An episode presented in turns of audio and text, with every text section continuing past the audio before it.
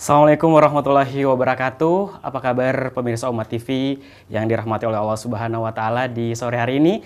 Senang sekali saya Edar Maradesa kembali hadir bersama Ustadz yang insya Allah kita akan mengkupas lagi, mengkaji lagi mengenai Islam dalam program Tafsir Pendidikan Islam yang insya Allah hari ini sudah hadir bersama-sama kita di sebelah kiri saya Ustadz Dr. Ahmad Alim LCMA. Dan hari ini pemirsa Umat TV kita akan membahas mengenai tafsir surat Ibrahim ayat 24. Tapi sebelumnya saya pengen menyapa Ustadz kita dulu.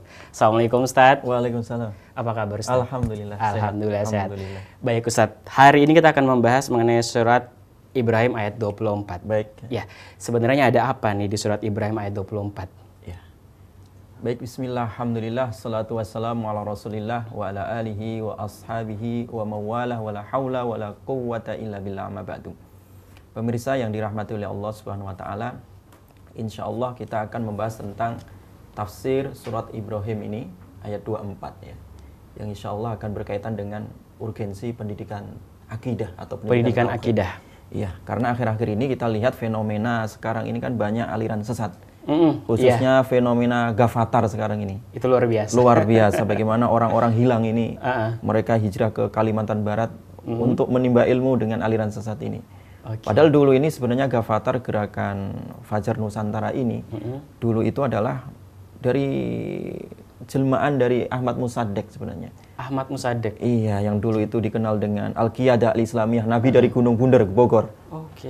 Iya, tapi sudah dilarang, dilarang, dilarang terus, berkembang terus. Ah, Ya, tapi inilah yang fenomena yang memang terkadang karena kebodohan masyarakat akan akidah sehingga tersesat tetapi tidak terasa. Makanya penting sekali kita membahas tentang akidah ini, pendidikan iya, akidah. benar, setuju. Makanya kita bisa lihat nanti di surah Ibrahim ini. Baik, saya pikir tadinya Gavatar itu adalah film kartun yang akan syuting di Indonesia, makanya gitu banyak ya. sekali masanya ikut casting. Ternyata itu Ternyata itu juga akidah ternyata di situ. Iya, benar sekali, Penyesatan akidah yang ada di masyarakat kita. iya luar biasa sekali. Baik, eh, dalam surat ini Allah Subhanahu wa taala berfirman, ya, "Alam taro kaifa daraballahu mathala kalimatan thayyibatan kasyajaratin thayyibah asluha thabitu wa far'uha fis sama' tu'ti ukulaha kulla hinin bi'idni rabbiha wa yadribullahu al-amthala lin-nasi la'allahum yatadhakkarun." Jadi di dalam ayat ini Allah Subhanahu wa taala menegaskan ya, alam taro kaifa daraballahu mathala. Jadi perhatikan bagaimana Allah itu membuat satu permisalan ya. Permisalan apa itu? Kalimatan thayyibah. Bagaimana kalimat thayyibah? Kalimat thayyibah itu artinya kalimat tauhid. La ilaha illallah, akidah ya. Kalimat tauhid itu diperumpamakan oleh Allah kasyajaratin thayyibah. Seperti pohon yang sangat bagus. Pohon yang sangat kuat, sangat rindang ya. Asluha thabit. Jadi akarnya itu menghunjam ke bawah ke tanah, kokoh dia. Wa far'uha sama. Sementara ranting-rantingnya itu ke atas, menjulang tinggi ya. Tu'ti ukulha kullahin. Dia mendatangkan buahnya itu setiap saat, tidak mengenal musim. Inilah buah tauhid, yaitu akhlak, yaitu ibadah. ya. Jadi semua kehidupan itu adalah buah dari tauhid. Ketika keliru tauhidnya maka kelirulah jalan hidupnya tadi. Ya. Biidni robbiha dengan izin Robnya. Baik Ustadz, luar biasa sekali pemirsa Oma TV. Keliru tauhidnya maka akan keliru jalan hidupnya. Nah ini yang akan kita bahas bersama-sama dengan Ustadz pastinya dan jangan ke mana-mana, kita akan kembali saat lagi. Baik pemirsa Umat TV yang dirahmati oleh Allah Subhanahu wa taala, kita masih dalam program Tafsir Pendidikan Islam dan tentunya masih bersama Ustadz Dr. Ahmad Alim LCMA. Saya enaknya panggil Ustadz Ahmad aja kali Ustadz, ya. Ustadz Alim. Ustadz Alim. Oke, Ustadz Alim. Kita masih bersama Ustadz Alim dan nanti akan ada tanya jawab seperti biasa di segmen 4 dan juga segmen 5. Untuk yang ingin bertanya bisa nanti masuk ke line telepon kami. Tapi nomor telepon nanti akan saya beritahukan saat lagi. Ya, Ustadz, lanjutan yang tadi. Kalau misalnya kita salah tauhid, maka kita dipastikan akan salah Jalan jalan. hidup, iya. Seperti fenomena yang sekarang banyak terjadi di Indonesia Iya. tentunya. Kita nggak bisa pungkiri mungkin kemarin yang terjadi ledakan di Sarina mungkin juga dia salah Betul, tauhid. salah tauhid, Makanya ya. dia salah jalan. Salah jalannya. Nah, kalau misalnya kita mengkaji masalah itu, kaitannya dengan eh, surat Ibrahim ayat 24 ini seperti apa? Ya. Bismillah, Alhamdulillah, salatu wassalamu ala rasulillah mabadu. Jadi eh, ayat ini secara tegas mengatakan bahwa tauhid itu ya, akidah yang lurus itu seperti pohon yang sangat rindang ya. Akarnya menghunjam ke tanah ya. Kemudian pilar-pilarnya ya menjulang tinggi ke langit ya. Buahnya akan datang setiap saat. Itulah gambaran bagaimana Allah menggambarkan kehebatan pendidikan tauhid ini. Makanya Imam As-Sa'di rahimahullah ketika menjelaskan tentang ayat ini, maka tauhid itu disebut seperti syajaratul iman. Dia seperti pohon keimanan. Jadi pohon keimanan itu artinya orang yang bertauhid ya, dia akan senantiasa membuahkan kebaikan-kebaikan. Oke. Ya. Kebaikan di bumi bahkan kebaikan di langit. Kebaikan di bumi dia akan senantiasa melahirkan satu amal soleh yang bermanfaat di sekitarnya anfa'ukum linnas sehingga dia bermanfaat bagi seluruh manusia. Sehingga dia tidak akan melakukan satu tindakan anarkis seperti bom sarinah misalkan iya, ya, benar sekali. kerusakan ataupun dia melakukan tindakan-tindakan yang menyimpang dari garis pandu Allah Subhanahu wa taala seperti gafatar misalkan ya. Mm. ya bagaimana mereka itu e, memiliki akidah tertentu bahwa mengakui ada nabi baru ya bahkan mereka mengatakan kita ini masih fase makiyah tidak wajib sholat mm. Makanya orang bertauhid itu tidak akan seperti itu. Karena orang bertauhid itu senantiasa dia e, mengikuti garis pandu Allah Subhanahu wa taala. Ya, buah dari tauhidnya itu dia akan melahirkan akhlak-akhlak yang terpuji ya. Dan bahkan ini bisa menyerang e, masyarakat-masyarakat uh, yang notabene mereka sendiri agamanya sudah dari lahir Ustadz ya. Betul. Makanya tauhid ini penting sekali. Tauhid itu juga nanti lawan lawan daripada taklid sehingga hmm. Uh, tauhid ini juga meluruskan akidah akidah yang keliru yang dibawa oleh bapaknya, dibawa oleh nenek moyangnya ya. Makanya ketika Nabi Shallallahu alaihi wasallam datang ke Mekah ya, ingin meluruskan adalah dari akidah orang-orang jahiliyah ini. Akidah-akidah yang mereka itu menyembah patung ya, akidah-akidah mereka ingin ibadah kepada Allah tetapi melalui perantara berhala-berhala itu ya. Hmm. Bahwa mereka mengatakan ini adalah untuk mendekatkan kami kepada Allah. Bukannya kami tidak mendekatkan Allah. Kami ingin mendekatkan Allah melalui berhala ini maka diluruskan oleh Nabi Shallallahu Alaihi Wasallam ya. Hmm. Fa'lam la ilaha illallah. Ya. Jadi ketahuilah bahwasanya tiada ilah yang hak yang disembah itu kecuali Allah Subhanahu wa taala. Jadi tauhid itu harus kita tanamkan sehingga tauhid itu memang menghunjam di dalam hati kita ya. Nah, ketika tauhid itu benar dan merasuk ke dalam sumsum -sum darah kita ini ya, itu keluar dari tubuh kita itu akan melahirkan satu akhlak ya yang sangat luar biasa. Bahkan Allah menyebutnya itu buahnya itu tidak mengenal musim. Artinya setiap saat bisa dimanfaatkan. Jadi tidak ada buah di dunia ini ya yang melebihi hebatnya buah tauhid. Kalau buah buah-buah yang ada di sekitar kita itu bermusim dia. Mm. Tapi kalau buah tauhid ya itu tidak pernah mengenal musim. Dia akan mendatangkan buahnya kapan saja dan di mana saja. Yeah. Itulah gambaran orang tauhid begitu indah digambarkan dalam Al-Qur'an. Dia memiliki kepribadian yang kokoh ya. Memiliki akhlak yang harum ya. Di sepanjang zaman dia akan memberikan manfaat ya. Maka oleh karena itu ya tauhid itu adalah simbol keimanan seseorang ya. Keislaman seseorang keisanan seseorang. Jadi semakin dia kuat tauhidnya ya semakin lapang dadanya ya. Semakin dia kuat tauhidnya semakin baik akhlaknya makanya di sini penting kita untuk mendidik anak kita yang pertama kali kita kenalkan adalah pendidikan akidah ini hmm. atau pendidikan uh, tauhid ini ya. Makanya Lukman ketika mendidik anaknya yang pertama kali diperintahkan adalah pendidikan akidah ini. Ya bunayya la tusyrik billah. Inna syirka la zulmun azim. Jadi wahai anakku ya, janganlah engkau menyekutukan Allah ya. Karena sesungguhnya syirik itu ya menyekutukan Allah ya, itu adalah kezaliman yang sangat besar. Jadi kalau orang itu apa namanya tidak bertauhid kepada Allah, dia akan zalim ya, menzalimi dirinya, menzalimi Allah ya. Dan juga pasti dia akan menzalimi lingkungan di sekitarnya. Makanya pendidikan tauhid ini sangat sangat luar biasa, memiliki dampak yang sangat signifikan terhadap individu ya, terhadap keluarga dan juga terhadap masyarakat. Oleh karena itu, pendidikan tauhid harus diutamakan dan pertama dikenalkan kepada anak didik kita ya. Jadi ini yang harus kita sampaikan kepada pemirsa di sini. Ya, Ustaz. Kalau misalnya kita berbicara mengenai pendidikan tauhid itu sendiri di Indonesia ini, kalau misalnya semua tahu lah bahwa mayoritas itu adalah agama Islam. Betul. Tapi uh, ketika mereka berbicara mengenai tauhid, mereka ingin mengkaji Al-Qur'an yang itu menggunakan bahasa Arab, Betul. mereka tidak paham sehingganya ada oknum-oknum yang lain yang masuk yang akhirnya mungkin membelokkan terjemahan-terjemahan dari Al-Quran itu sendiri. Ini kan sebenarnya yang kita khawatirkan Betul. sebenarnya. Nah, bagi mereka-mereka yang maksudnya tidak paham tentang Al-Quran, tidak mengerti tentang bagai uh, tafsiran itu sendiri, Betul. bukan hanya terjemahan, tapi tafsirannya itu sendiri dari yeah. Al-Quran, supaya tidak salah jalan, sebenarnya apa yang harus mereka lakukan? Betul. Jadi yang pertama kali ketika kita belajar itu paling tidak kita mencari guru yang benar ya. Mm -hmm. Guru yang akidahnya lurus ya ketika orang itu salah belajar, salah juga dia uh, akidah yang dia dapatkan di dalam pelajarannya itu tadi.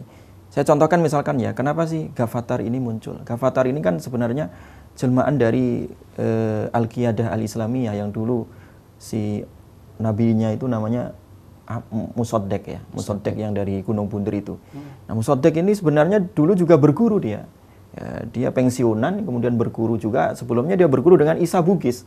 Yang dari Isa Bugis itu juga aliran-aliran sesat di Indonesia. Jadi Mas Adik ini juga dulu pensiunan? Iya. Dari? Dari dia pensiunan di pegawai gitu ya. Kemudian. Oh jadi ada nabi yang pegawai juga. Iya.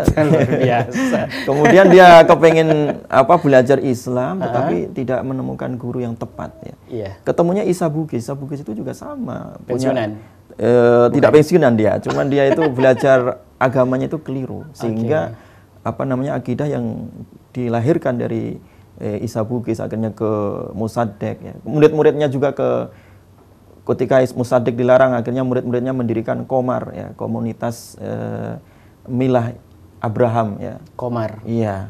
Komar dilarang lagi kemudian berganti wajah menjadi Gavatar ini. Ini karena kekeliruan berguru itu ya. Makanya ketika berguru keliru ya, -huh. maka kelirulah ya. Makanya di dalam Islam itu kan berguru itu dilihat dulu siapa guru Anda ini ya. Makanya Ibnu Sirin mengatakan al isnadu minad din ya bahwa guru ya belajar agama sanat itu ya ya tasalsul atau silsilah kita belajar itu ilmu itu ya, itu adalah bagian dari agama. Ketika orang itu keliru ya, keliru bergurunya pasti dia juga keliru di dalam beragamanya.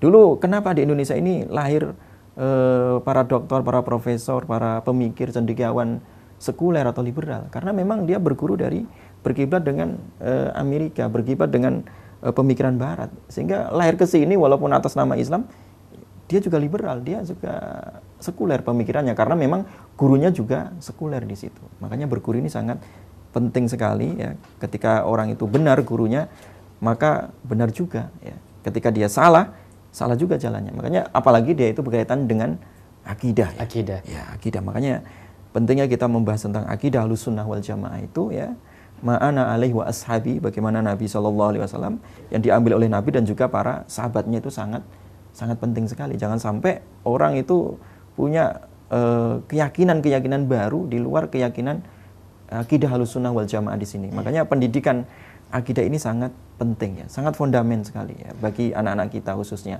Ya Ustadz, berarti kalau misalnya menyangkut akidah itu sendiri, berarti istilah don't judge the book by the cover tuh nggak nggak nggak ngaruh ya buat iya. Kalau misalnya kita udah berbicara mengenai tauhid. Betul. Karena kalau misalnya kita berguru juga kita harus tahu background dari guru itu sendiri Betul, sebenarnya ya. dia sekolah iya. di mana, iya. uh, keluarganya seperti apa, dia Betul. ada di lingkungan siapa, Akhlaknya dia bagaimana, siapa, iya. akhlak seperti apa, Betul. seperti itu. Itu penting banget. Penting banget. Ya. Karena itu berkaitan dengan uh, hasil daripada atau output daripada anak didik itu itu hmm. sendiri ya luar biasa sekali makanya uh, Umat TV ini adalah satu salah satu stasiun TV yang menghadirkan program-program Islam ya karena sekarang banyak sekali TV-TV yang uh, menurut saya sih kurang mendidik Makanya e, banyak program-program yang malah menjerumuskan, bukan malah mengajarkan kebaikan. Baik, kita akan balik lagi saat lagi masih bersama Ustadz, kita akan masih membahas mengenai Tauhid. Jangan ke mana-mana. Baik, terima kasih pemirsa Umat TV yang dirahmati oleh Allah Subhanahu wa taala masih bersama kami dalam program Tafsir Pendidikan Islam dan masih bersama Ustadz Alim.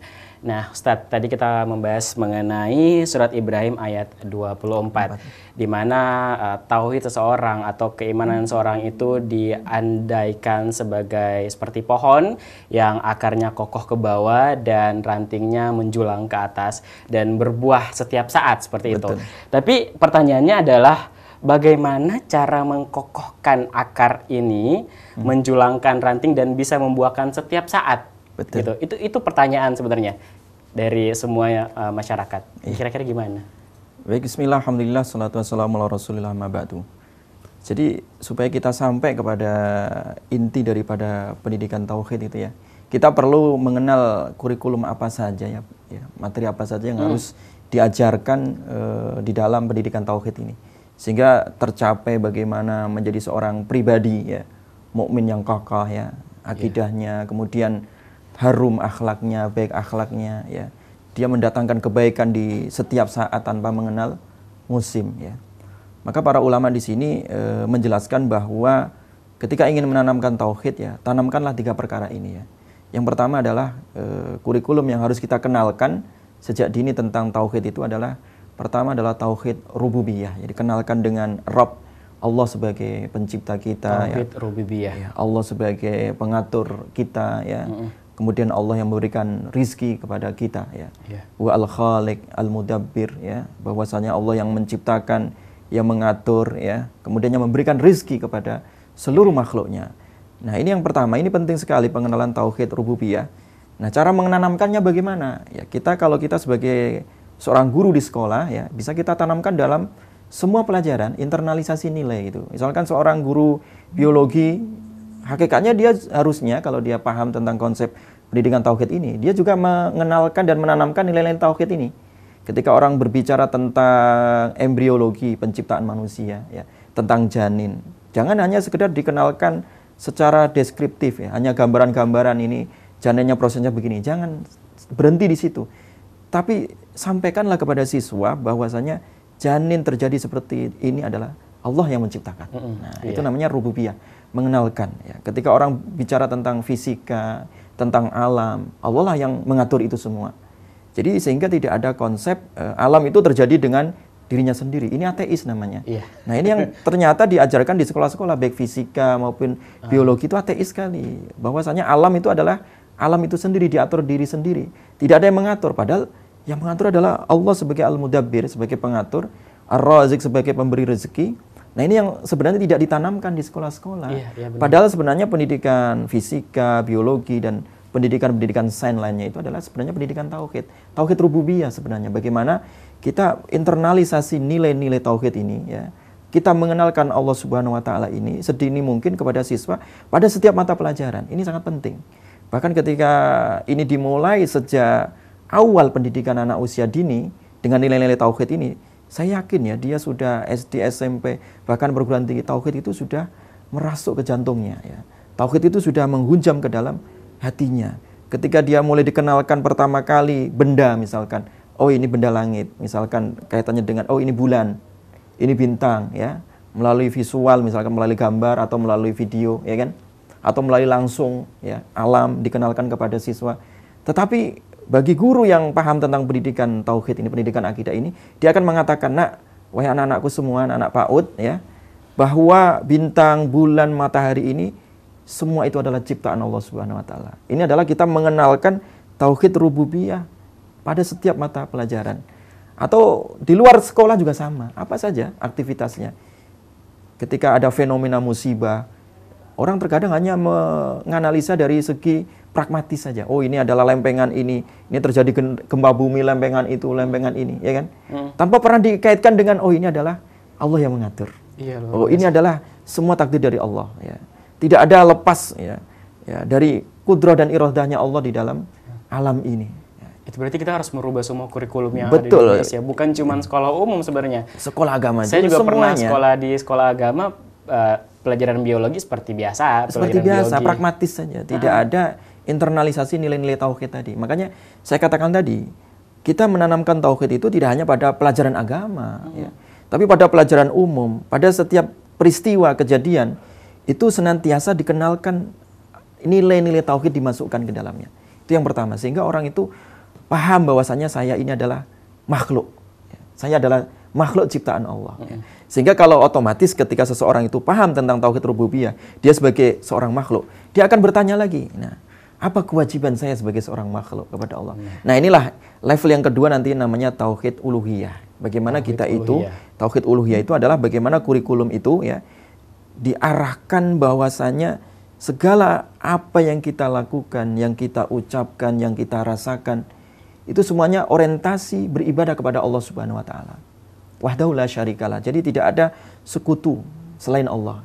Jadi kita beribadah murni karena Allah. Ibadah itu apa? Ibadah ya ismun jami ya, mencakup seluruh hal ya. Ya, likulli ma yuhibbuhullah wa yardah.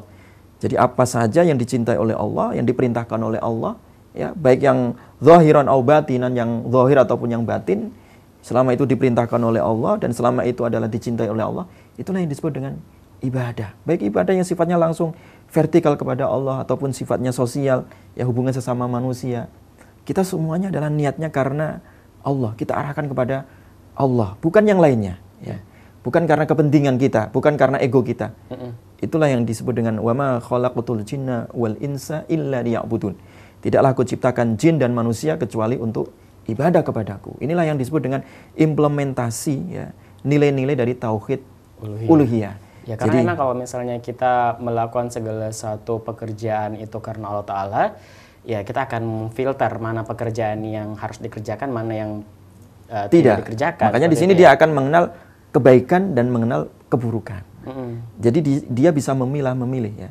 Mana yang baik harus dikerjakan, mana yang buruk harus ditinggalkan. Makanya tadi ayatnya kan tu'ti ukulaha kullahin. Ya. Jadi dia akan mendatangkan ya, buahnya tadi setiap masa. Ya. Ya. Tidak mengenal waktu. Ya dan tidak mengenal musim. Dia akan senantiasa berbuat ya, mengupdate dirinya ya. Dia akan saleh secara pribadi ya kan, saleh secara sosial sehingga menjadi seorang muslim yang kafa, udkhulu fi silmi kafa. Jadi masuklah kalian itu sebagai seorang muslim ya, sebagai orang yang beriman masuk Islam itu secara kafa totalitas. Jadi jangan tanggung-tanggung, jangan separuh-separuh menjadi seorang muslim ya muslim separuh-separuh itu ya itu tadi nanggung dia karena masuk surga separuh-separuh juga masuknya suka nggak ditolak dia masuk oh, surga oh, ditolak. karena memang dia tidak niat untuk apa tadi yeah. e, beribadahnya karena Allah Subhanahu Wa Taala hmm. jadi oleh karena itu ya oleh karena itu maka yang kedua tadi itu adalah menanamkan tauhid uh, uluhiyah. Yang terakhir adalah yang kurikulum yang ketiga tadi adalah asma wa sifat. Kita mengenal asma asmaul husna ya. Hmm. Nama-nama hmm. Allah yang begitu indah, ya sifatnya yang begitu agung ya. Wallahu la ilaha illahu ya. Jadi dialah Allah ya yang tiada ilah yang hak disembah kecuali melainkan Allah Subhanahu wa taala. Kemudian sifatnya banyak sekali disebut. Al malikul qudus salamul mu'min al muhaimin ya. jadi bagaimana Allah itu memiliki sifat al malik sebagai raja sebagai pemilik ya. Al qudus yang maha suci ya.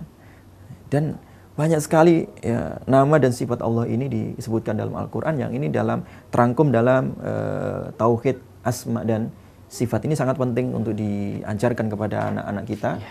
di sekolah ya di keluarga di masjid dan juga di lingkungan masyarakat ya. Baik, jadi emang benar sekali. Jadi tiga sifat tauhid ini penting banget diajarkan mulai dari semasa kecil, ya, kecil. semasa dia udah mulai bisa mengenal Betul. seperti itu ya. Makanya kan sekarang banyak sekali kalau kita bisa melihat pemimpin-pemimpin kita yang banyak melakukan aktivitas hanya ingin dipuji oleh masyarakatnya.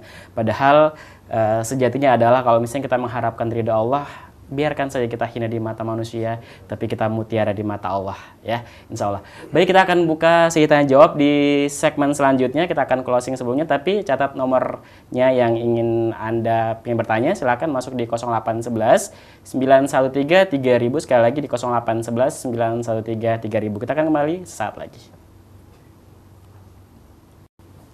Baik pemirsa Umat TV yang dirahmati oleh Allah Subhanahu wa taala, kita masih dalam program tafsir pendidikan Islam dan kita udah di segmen terakhir nih, Ustaz nggak hmm. terasa. Sekali lagi yang masih ingin bertanya kepada Ustadz Ali mengenai materi hari ini kita bahas mengenai tauhid, itu bisa masuk di line telepon kami di 0811 913 3000. Baik, Ustadz Alim, tadi kita membahas mengenai tauhid. Tadi sempat ada yang terpotong sebenarnya Oh iya, pertanyaan apa itu? saya mengenai kalau kita uh, sudah misalnya si orang tua sudah mengajarkan tentang tauhid nilai-nilai itu kepada anak atau kita pengen berguru kepada guru yang menurut orang itu gurunya bagus, dia mengaku dia sudah uh, tauhid, dia sudah melakukan tiga sifat tauhid. Tapi untuk melihat ciri-ciri uh, orang Tauhid itu yang sudah berhasil itu bertauhid ya? atau belum seperti apa? Ya, baik. Tapi ada yang telepon ini Ustaz. Oh, gitu, ada apa-apa, lagi? terpotong lagi jawabannya. ini juga penting kayaknya nih. Ya, Kak, Ya. Assalamualaikum. Waalaikumsalam warahmatullahi Dengan Ibu siapa di mana? dengan Nita di Bulukumba. Dengan Ibu Mita di Bulukumba. Iya. Halo, Eh, apa? Ya mau tanya Ustaz, eh, silakan. bagaimana eh, jika suami istri ini dalam hal masalah pendidikan anaknya ke depan eh, bertentangan, Eh, misalkan yang suami ini ingin anaknya membebaskan anak- anaknya untuk memilih sekolah di mana saja tanpa memperhatikan lingkungannya.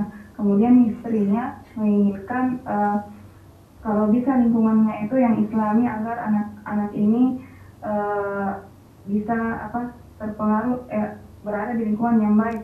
Bagaimana cara menyikapi hal seperti ini?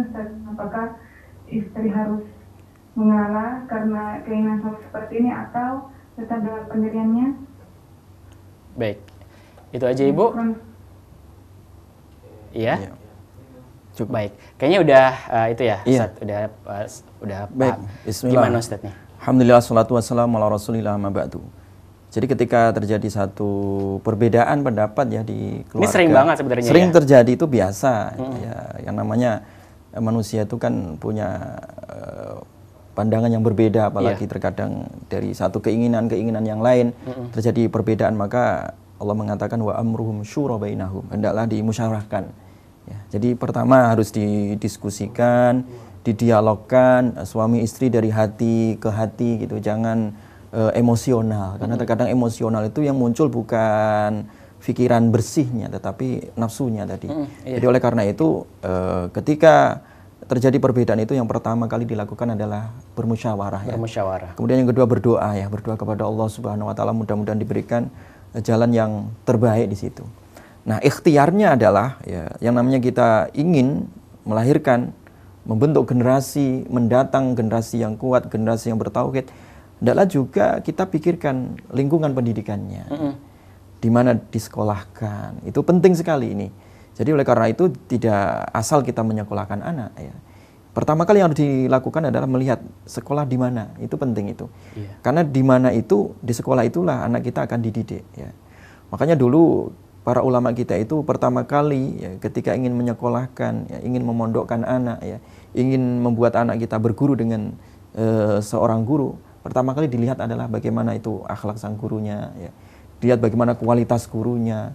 Makanya dulu Imam Syafi'i rahimahullah betul-betul dibawa dari Mesir ke Madinah karena demi berguru untuk kepada Imam Malik karena kualitas Imam Malik dan itu tradisi ulama kita ya dan harusnya kita contoh di sini karena ketika kita salah menyekolahkan anak ya salah pula ya hasil didikan anak kita itu tadi Iya. oleh karena itu yang ini harus di apa namanya kita diskusikan di sini ya Harus dimusyawarah, Ustaz. dimusyawarahkan dan hendaknya ketika suami belum paham diberikan masukan-masukan ya dengan berbagai cara lah ya. Jadi bukan dengan emosional tadi. ya. Jadi dari hati ke hati barangkali suami eh, dia menolak karena kurang tahu ya atau karena mungkin penyampaiannya dalam kondisi emosi sehingga suaminya tidak suka di situ. Iya, iya. Maka dicari momen yang tepat sehingga anak itu tidak menjadi korban di situ ya. Kadang banyak anak menjadi korban karena eh, kesalahan dari kedua orang tuanya. ya. Iya, itu benar sekali. Padahal anak itu adalah fitrah ya. Anak itu adalah fitrah, yuladu ala fitrah, bahwa dilahirkan dalam keadaan fitrah. Fitrahnya anak itu ya ingin benar tadi ya. Ingin menjadi manusia yang kuat, menjadi manusia yang baik. Nah, orang tuanya inilah yang menjadikan hitam putihnya tadi. Nah, makanya oleh karena itu jadilah orang tua yang tidak egois ya. Iya. Bukan untuk ego pribadi ya. Jangan terlalu menjadi orang tua itu anak saya nanti akan begini dan begitu dari segi materi itu yang keliru. Yang penting kita pendidikan itu kan tujuannya menjadi manusia yang bertakwa sebenarnya. Mm, Iya benar. Kalau kita menyekolahkan anak di sebuah, sebuah lembaga yang tidak memperhatikan ketakwaan itu bukan lembaga pendidikan namanya. Itu namanya pabrik. Saya katakan pabrik. Pabrik. Iya, karena pendidikan itu bukan ingin melahirkan seorang manusia mekanik ya. Tapi ingin melahirkan manusia yang punya jiwa ya, jiwa tauhid yang memiliki akhlak yang baik sebagaimana disebutkan dalam surat Ibrahim 24 tadi itu ya. Kalau lembaga pendidikan ya, sekolah ya, ataupun kampus ya tidak punya perhatian terhadap adab, tidak punya perhatian terhadap akhlak, itu bukan kampus, itu pabrik namanya ya. ya karena dia tidak punya tanggung jawab moral, Iya. tidak punya tanggung jawab akidah ya. Oleh karena itu melihat ya bagaimana lembaga untuk tempat anak kita sekolah, untuk tempat anak kita belajar, untuk tempat anak kita kuliah ini sangat penting sekali. Apakah lembaga itu mengawal moral anak kita atau tidak? Ini pertama harus diperhatikan karena lingkungan pendidikan, lingkungan kampus itu sangat dominan mempengaruhi ya, kejiwaan anak. Terkadang anak di rumah dididik sedemikian rupa, tetapi kalau lingkungan kampusnya rusak, lingkungan sekolahnya rusak, ya percuma juga di rumah ya. Bisa jadi roaming juga Ustadz Jadi ya. jadi rumah di situlah. Makanya di sini harus penting eh, orang tua di sini jangan mendahulukan egonya masing-masing, tapi musyawarahkanlah tadi. Karena dengan musyawarah itu tidak ada masalah yang tidak terselesaikan ya. Jadi memang orang orang tua yang harus menjadi guidance buat Betul anak-anak. bagi menjadi guidance bagi Tapi mungkin anak-anak. kalau misalnya eh, saya bisa menambahkan sedikit Ustadz, eh, Iya. kemarin eh, dari sang psikolog juga menjelap, eh, menjawab bahwa kalau misalnya terjadi perbedaan pendapat kepada terhadap orang tua terhadap eh, bagaimana cara mereka mendidik anak atau di sekolah mana mereka ingin menyolokkan anak, eh, si bapak ingin di sekolah umum misalnya atau si ibu ingin di sekolah Agama, yang misalnya. agama, mungkin eh, kita bisa eh, kedua orang tua ini bisa bikin list misalnya eh, anak kita ingin dijadikan seperti apa sih? Betul. cita-citanya anak kita keluarnya seperti apa. Nah, kalau misalnya udah ketahuan keluar seperti apa, si bapak misalnya sekolah A, eh, si ibu sekolah B, di sekolah A itu manfaatnya apa aja? Kalau dapat yang terpenting lagi di situ aja gitu yang, ya. yang terpenting lagi adalah fasalu ahla dzikri in kuntum la ta'lamun. Tanyalah kepada orang yang lebih tahu di situ. Hmm. Iya. Jika kalian tidak tahu. Makanya ketika ti- masalah itu di rumah tidak selesai, tidak final, maka orang tua ini dua-duanya bisa keluar bertanya Mm-mm. kepada ustadz, kepada pakarnya, ya, kepada orang yang ahli di bidangnya, ya, yang paham tentang psikologi anak, yang paham tentang apa namanya kemampuan anak, ya, yang paham, paham tentang agama, ya.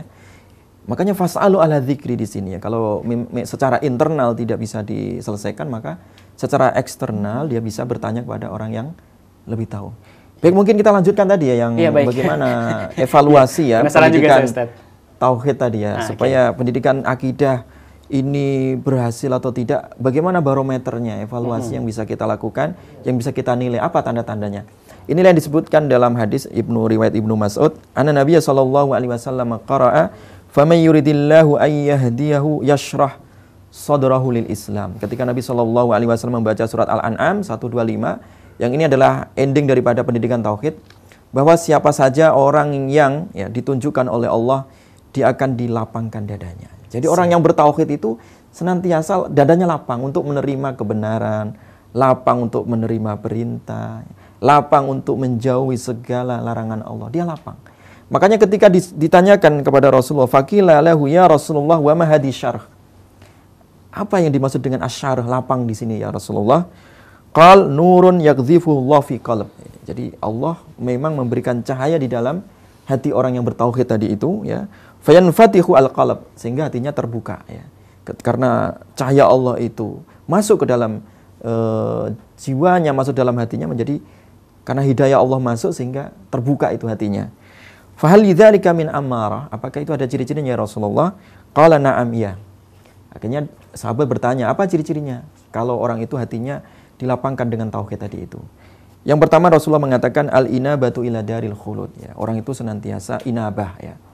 Senantiasa merasa dia akan kembali ya kepada akhirat nanti, kepada desa kelanggengan, desa abadi ya. Yang dia tidak akan pernah rusak di sana, tidak pernah punah di sana. Sehingga di sini dia senantiasa mengatakan bahwa dunia itu bukan tujuan ya. Wa tajafa daril ghurur ya. Dia senantiasa menjaga jarak dari dunia yang fana ini ya. Dunia yang banyak tipuan ini. Dia tidak tertipu dengan permainan dunia ya.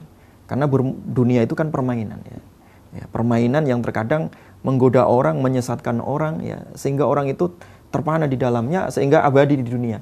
Makanya tadi Nabi Shallallahu Alaihi Wasallam mengatakan orang yang bertauhid itu dia akan menjarak, menjaga jarak dengan dunia ini karena dunia itu bukan tempat abadi. Yang terakhir adalah wal isti'dad wal isti'dadu lil mauti qabla nuzuli. Senantiasa dia berkemas-kemas ya.